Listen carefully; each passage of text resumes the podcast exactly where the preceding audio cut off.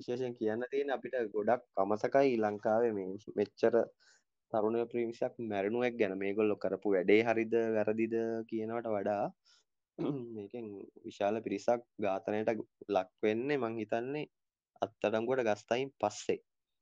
ඉතින් ඒ වගේ ඝාතනයක් කොහොමද විශේෂයෙන්ම දකුණේ සමාජය අමතක කරලා ඉන්නේ කියන ප්‍රශ්නය මතුවෙනවා. මොකද මෙතනින් මේක නවතින්නේ නැහනේ 88 89 දී 60000ක පිරිසක් මේ වගේ ඝාතනයට ලක් වෙනවා. අතුරුදහන් කිරීම ලක් වෙනවා, වද බන්ධනයට ලක් වෙනවා. නිකන් නෙවෙයි 88 89 වෙන්නේ අතිශය අමානුෂික විදියට. නමුත් ඉතින් හරිම පුදුම සාධකත විදියට මේක මේ දකුණේ සමාජයට අමතක වෙලා තියෙනවා මේ මේ වගේ දෙයක් වුණාද කියලාවත්. ඒ කියන්නේ අපිට අඩු ගානේ ෆිල්ම් එකකින්වත් දකින්න හම්බෙන්නේ නැහැ මේවා. දැන් සාමාන්‍ය අපි ඉන්දියාවේ එහෙම යුරෝප් වල නම් අපි මේව දකිනවා නිතරම චිත්‍රපටි වලින්, ටීවී සීරීස් වලින් මේ කාලේ මේ වගේ වෙච්ච ප්‍රචණ්ඩත්වයන් නිතරම අපි යමුවට එනවා. ලංකාවේ මං හිතන්නේ උපරිම කවියකින්ද කවි පන්ති කිහිපයකින් ඇරුණාම මේ මේක අපේ සමාජයේ කතා වෙන්නෙම නෑ. මට ඇහිලා නෑ සාමාන්‍ය අපේ ගෙවල් වල මේ කතා කතා වෙනවා නිකන් ගම කතා වෙන නිසා කර ලොකු ආතතියකින් ගිල්ටි ෆීලිං එකකින් ලොකු ව්‍යසනයක් විදියට මේ කතාව අපේ සමාජයේ නෑ.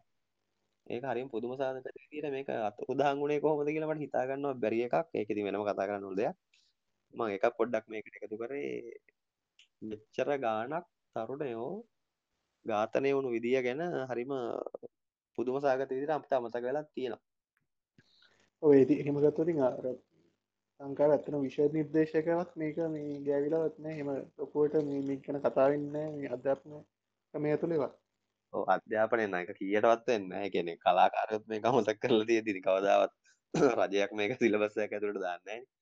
ඒක කියලත් වෙන්නේ නෑ. ලංකාවේ අර අපි අඳුන්වන කලාකරුවන්ට පවා මේක අමතක වෙලා තියෙන එක තමයි පුදුම සාගත සිද්ධිය.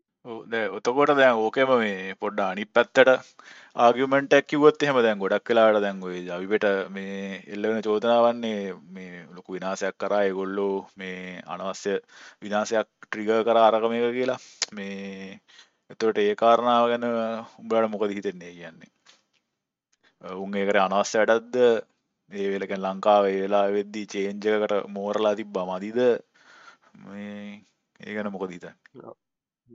මම මේ නිකන් පොදුවේ අපි ඒ කතාව කතා කරමු. පොදුවේ එල්ලෙන විවේචන ටිකක් මම කියන්නම්. ඒකත් එක්ක තියෙද්දි එකක් තමයි මේ.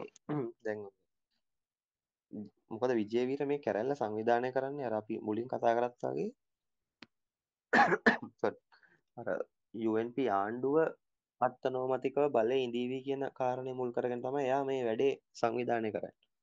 හැබැයි එහෙම වෙන්නේ නැහනේ. 1970 මැයිවල UNP ආණ්ඩුව මැතිවරණයෙන් පරාජය වෙලා ගෙදර යනවා.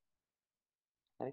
එතකොට අලුතෙන් එන ආණ්ඩුව කියන්නේ රටේ තුනෙන් දෙක බලයක් දිනා ගන්න ආණ්ඩුවක්. ඒ කියන්නේ මහ ජනතාවගෙන් අති විශාල ඡන්ද ප්‍රමාණයක් අරගෙන බලයට පත් වෙන ආණ්ඩුවක් තමයි තියෙන්නේ අලුතෙන්.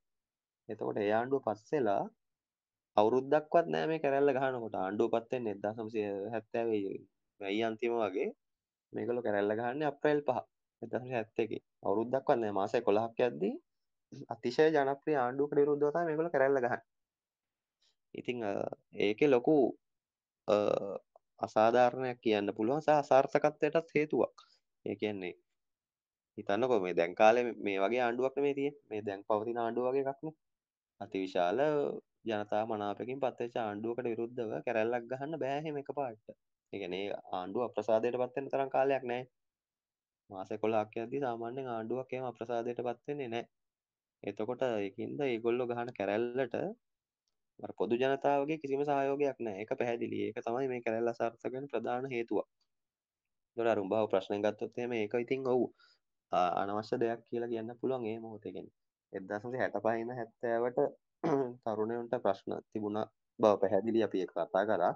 නමුත් මේ 71 වෙද්දී ඉන්නේ මේ ප්‍රජාතන්ත්‍රවාදී අපි දැන් පිළිගන්න අපේ පාලන රාමුවට අනුව පත්වෙච්ච සුජාත ආණ්ඩුවක් තියෙන බහුතර මනාපෙන් ජනප්‍රිය ආණ්ඩුවක්. ඉතින් ඒ වගේ ආණ්ඩුවකට විරුද්ධව කැරැල්ලක් ගහන එක පැහැදිලිවම අර සුයිසයිඩ් මිෂන් එකක්. මොකද ජනතා සහයෝගයක් නැහැ. ඒ වගේම අපි අර සංයුතිය ගැන කතා කරද්දිත් අපි දැක්කා සංයුතිය අතිශයින්ම ග්‍රාමීය තරුණ කොටස් වලට සීමා වෙච්ච සංයුතියක්. එතකොට වැඩිහිටි පරම්පරාවේ කිසිම කෙනෙක්ගේ සහයෝගය මේ මේකට නෑ ඒ වගේම වැඩි හරියක් ඉන්නේ ශිෂ්‍යයෝ සහ විර කියාවෙන් පෙළෙන තරුණයෝ. එතකොට අනික් වෘත්තීන් වල කම්කරු පන්තියේ හෝ ගොවි ජනතාවගේ එහෙම සහයෝගයක් මේකට නැහැ. ඒකත් මේක අසාර්ථක වෙන්න හේතුවක්. ඒ වගේම අපි දැක්ක දෙයක් තමයි මේ සටන පැතිරලා තියෙන්නේ ඒ තරුණ කොටස් වල වුණත් මහජාතියේ තරුණ කොටස් අතර පමණයි. සිංහල බෞද්ධයන් අතර පමණයි. කිසිම සුළු ජාතිකයන්ගේ සහයක් දිනා ගන්න මේ කැරැල්ල සමත් වෙන්නේ නැහැ. සුළු ජාතීන් සම්පූර්ණයෙන්ම අදාළ නැති කාණ්ඩයක් විදිහට සැලකලා තමයි මේ කැරැල්ල සිද්ධ වෙන්නේ. ඒගොල්ලොම මේකට ගාව ගන්නෙම නැහැ. ඉතින් අර කලින් කිව්වත් අය කම්කරු පන්ති අතර පදනමක් ඇත්තෙත් නෑ මේකට. ඒ වගේම තමයි ඔවුන්ට මේ කැරැල්ල ගහද්දි මේ නිශ්චිත කැරැල්ලක් ගහද්දි මේක ආයුධ සන්නද්ධ අරගලයක්නේ. හැබැයි ඔවුන්ට එහෙම ආයුධ සන්නද්ධ භාවයකුත් නෑ. ඔවුන්ට නිසි පුහුණුවක් නෑ. අපි දන්නවා මෙතන හිටිය ඔක්කොම බොහොම තරුණ ශිෂ්‍යයෝ. ඔවුන් කිසිම ආයුධ පුහුණුවක් ලැබපු නැති කට්ටිය. එහෙම ආයුධ පුහුණුවක් ලබන්න තරම් ඔවුන්ට ආයුධ ඇතයි තිබ්බෙත් නෑ. ඔවුන් තිබ්බේ තමන්ම සොයන්ව නිෂ්පාදනය කරගත්ත බෝම්බ ටිකක්. ඉතින් බෝම්බ තොගයක්. මේ බෝම්බ වලින් බහුතරයක් ඒ වෙනකොට පත්තු වෙලත් නෑ. ගැහුවට පත්තු වෙලා නෑ. මොකද ඒ පෙඟිලා වැඩි බේත් පරණ වෙලා නියමිත තාක්ෂණය ප්‍රමිතියට අනුව සකස් වෙලා නෑ. ඒ ගහපු බෝම්බත් වැඩි හරියක් පත්තු වෙලා නෑ. එතකොට ආයුධ බලය ගත්තොත් එහෙම ඊටාම අඩු ආයුධ සන්නද්ධ බලයක් තමයි මේ කැරලිකරුවන්ට තිබිලා තියෙන්නේ. ඒකින්ද පැහැදිලි පොලිසියත් එක්ක සටන් කරලා දිනන්න තරම් හැකියාවක් ඔවුන්ට නැහැ. බෝම්බ ගහලා පොලිසිය බලය අල්ලගත්තත් මේ බලය දිගට පවත්වා ගන්න හැකියාවක් පැහැදිලිවම ඔවුන්ට නැහැ. මොකද විජේවීරත් එක්ක කතා කරද්දිත් විජේවීරගේ කතාවක මං හිතන්නේ ලොකු බලාපොරොත්තුවක් තිබිලා තියෙනවා මේ ඒගොල්ලෝ පොලිසිය ටික අල්ලගත්තට පස්සේ මිනිස්සු ඇවිල්ලා ඒගොල්ලන්ට සහයෝගය දෙයි කියලා. පොලිසියට හමුදාවට විරුද්ධව. නමුත් එහෙම දෙයක් වෙලා නැහැ. මොකද එහෙම දෙයක් වෙන්න විදියක් නැහැ. මේක අතිශය ජනප්‍රිය ආණ්ඩුවකට විරුද්ධව ගහපු කැරැල්ලක් සහ මහජනයා අතර කිසිම ප්‍රසාදයක් ඔවුන්ට තිබිලා නැහැ. මේක නිසා. ඒ වගේම එහෙම බලය අල්ලගත්තත් කොහොම හරි හිතන්න බෑ මේක එක දිගට තියාගන්න පුළුවන් වෙයි කියලා. මොකද මේ ජාත්‍යන්තර සහයෝගයක් නැහැනේ JVP එකට. මේ JVP කියන්නේ පක්ෂය හදාගෙන තාම අවුරුදු 4යි. අවුරුදු 4ක බොහොම ලපටි පක්ෂයක් ඒගොල්ලන්ට කිසිම ජාත්‍යන්තර සහායක් නැහැ. ඒ වගේම මේ කැරැල්ල ගහන්නේ ලංකා ආණ්ඩුවට විරුද්ධවත් නෙවෙයි රජිනගේ ආණ්ඩුවට විරුද්ධව. අනිවාර්යෙන් එංගලන්තයෙන් බ්‍රිතාන්‍යයෙන් මේකට මැදිහත් වෙන බව පැහැදිලි. රටේ මෙහෙම සිද්ධියක් වුණු ගම. ඉතින් ඒ වගේ ලොකු මිලිටරි පවර් එකකට එරෙහිව දිකුපාලීන මුහුණ දෙන්න කිසිසේත්ම ඔවුන්ට හැකියාවක් නැති බව පැහැදිලි. ඒ කියන්නේ අපි හිතමුකෝ ඔවුන් කැරැල්ල සාර්ථකව ගැහුවා කියලා. බලේ පොලිසිය හැම එකටම ගහලා බලේ ඇල්ලුවත් හොඳ නැහැ මට පෞද්ගලිකව හිතෙන්නේ නැහැ ඒගොල්ලන්ට ඒක ආණ්ඩුව කරගෙන යන්න ලැබෙයි කියලා. මොකද ජාත්‍යන්තරව ඒගොල්ලන්ට කිසිම සහායක් ලැබෙන්නේ නැහැ. මොකද ඒගොල්ලෝ කමියුනිස්ට් පක්ෂයක් විදියට චීනෙත් එක්ක හෝ රුසියාවත් එක්ක එහෙම කනෙක්ෂන් එකක් ඒගොල්ලන්ට තිබ්බෙත් නැහැ. ජොයිපෙට ඒ වගේම ධනවාදී කඳවුරෙන් අනිවාර්යෙන් ඒගොල්ලන්ට විරුද්ධ වෙනවා. එහෙම ගත්තොත් එහෙම බොහොම අර ටිකක් හොඳ තීරණයක් කියලා කිසිසේත්ම පේන තීරණයක් නෙවී කියලා අපිට හිතෙන්න පුළුවන්. මොකද හදිස්සිය වැඩි වුණා වගේ දෙයක් තමයි මට නම් හිතෙන්නේ. ඒ කියන්නේ උන්ට තව ඉවසලා හිටියානම් අර ආණ්ඩුව අඩු ගානේ මහ ජනතාව අතර අප්‍රසාදයට පත් වෙනකම් මොකද අපි දන්නවා ඊට පස්සේ ඔය ඔය හාල් පොලු සීනි පොලු කතන්දර එන්නෙත් ඔය සමගි පෙරමුණ ආණ්ඩුවෙන්නේ. ලොකු ආර්ථික ප්‍රශ්න ටිකක් එනවනේ ඒ කාලේ. ඒකෙන් JRට තැන හැදෙන්නේ. ඉතින් ඒගොල්ලෝ ඉවසලා හිටියානම් සමහරට අර JRට යන්න තිබ්බ ලොකු බලය ජවිපෙට ගොඩ නගා ගන්න තිබ්බ ඒගොල්ලෝ ඉවසලා හිටියානම් කියලා අපිට දැන් ආපස්සට ඇත්තට හිතන්න පුළුවන්. මොකද ඒ කාලේ ජවිපෙත් නැත්තරම නැති වෙලා ගියපු එක තමයි JR තනිකර තමන්ගේ වාසියට හරව ගත්තේ. ඒ ප්‍රශ්න එතන දකින්න පුළුවන් ඒ වගේම ඒ කාලේ පක්ෂ අභ්‍යන්තරයෙන් තියෙන එකක් තමයි මේ තීන්දුව තීරණ කෙරෙහි කිසිම පක්ෂ සමාජිකයන්ට මැදිහත් වෙන්න පුළුවන් කමක් තිබ්බේ නැහැ කියන එක තනිකරම විජේවීරගේ ආධිපත්‍යයේ තිබ්බ ඔහුම පක්ෂය හදනවා ඔහුම නායකයෝ තීරණය කරනවා ඔහුම මේ කවුද දේශපාලන මණ්ඩලය තීරණය කරනවා ඌට ඕන විදිහට අයින් කරනවා. මේක හින්දා ලොකු අර්බුද රාශියක් පක්ෂ අභ්‍යන්තරයෙන් මතුවලා තිබ්බ මේ කැරැල්ල ගහද්දි. සමහර විට ගොඩක් සමහර විවේචනයක් තියෙනවා විජේවීරට මේ කැරැල්ල හදිස්සි කරන්න ඕන උනේම මේ තමන්ගේ නායකත්වය පිළිබඳ බේරගන්න තිබ්බ අදහසකින්ද කියලා. මොකද නැත්තම් තව මේක ඇදුනා නම් තව කැරැල්ල කල් ගියා නම් ඔහුගේ නායකත්වය පවා මේකෙන් නැති වෙලා යන්න ඉඩ තිබ්බා කියන එක. එහෙම කතන්දරයකුත් තියෙනවා අපි ඒක හරියටම තහවුරු කරන්න දන්නේ නැහැ.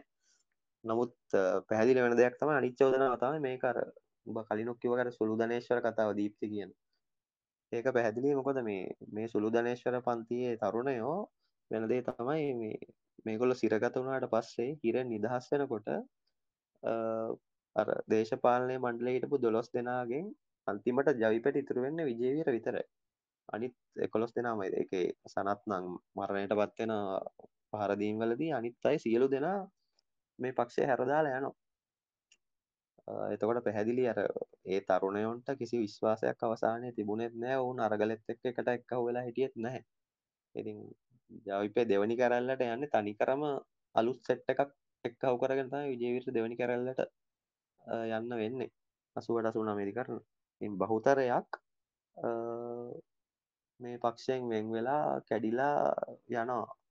අපි දැන් ප්‍රධාන වශයෙන් අපේ කතාවට පාදක කරගන්න වසන්ත දිසානායක මහත්මයාත් ඔහු ජනතා සංගමය පිටුවාගෙන අයින් වෙනවා 80 ගණන් වලදී ඒ වගේ වික්ටර් අයිවන් මහත්මයාත් පක්ෂයෙන් අයින් වෙනවා. ඔහු වෙනම මාවතකට යනවා. ඉතින් ඒ වගේ දකින්න පුළුවන් අපි දන්නවා ජයදේව උයන්ගොඩ මහත්තයා ඔහුත් ඔහුගේ විශ්වවිද්‍යාල අධ්‍යයන කටයුතු කරනවා. ඒ වගේ ගොඩක් දෙනා වෙන් වෙලා යනවා පක්ෂෙන්. ඉතින් ඒ දේවල් දකින්න පුළුවන් මං හිතන්නේ මේ විවේචනත් එක්ක අපිට පුළුවන් එබහුව ප්‍රශ්නයට යම් උත්තරයක් ඒකෙන් ලැබෙනවා ඇති ඉතින්. හදිසි වීම අනවශ්‍ය බව වෙන්න පුළුවන්, ප්ලෑන් එකක් නැතිවීම වෙන්න පුළුවන්. ඉතින් ඒ දේවල් දකින්න පුළුවන්. ඔව් මේ තව ගත්තොතින් මේ මට හිතෙන විදිහට දැන් අර කලින් කිව්වා වගේ මේ මේක තරුණ ප්‍රජාව අතරේ තම ගොඩක් ප්‍රචලිත වෙච්ච මේ මතයක් වුණේ ඊට අමතරව ඒකන්නේ කිව්වතින් වැඩිහිටි ප්‍රජාව අතර මේ පනිවිඩේ හරිට ගිහින් තිබ්බෙත් නෑ ඒකට මට හිතන විදියට මේ මේගුලන්ට දැන් දැන් තියෙන වගේ සමාජ මාධ්‍ය දියුණුවක් තිබ්බෙත් නෑ ඒකාලේ ප්‍රධාන මාධ්‍ය විදියට තිබ්බ නිවස් පේපස් එහෙම නැත්තම් පත්තර කියන දේවල්. ඒවයිනුත් ජාවිපයට තිබ්බේ මේ බොහොම සීමිත පෙනිට්‍රේෂන් එක නම් ඉදියට කිව්වෝතින් රෙඩ් පව කියන එක රතු බලය කියන එකුලන්ගේ ඉංගලිස් මීඩියම් වලින් ගැන පත්තරයක් තිබ්බ.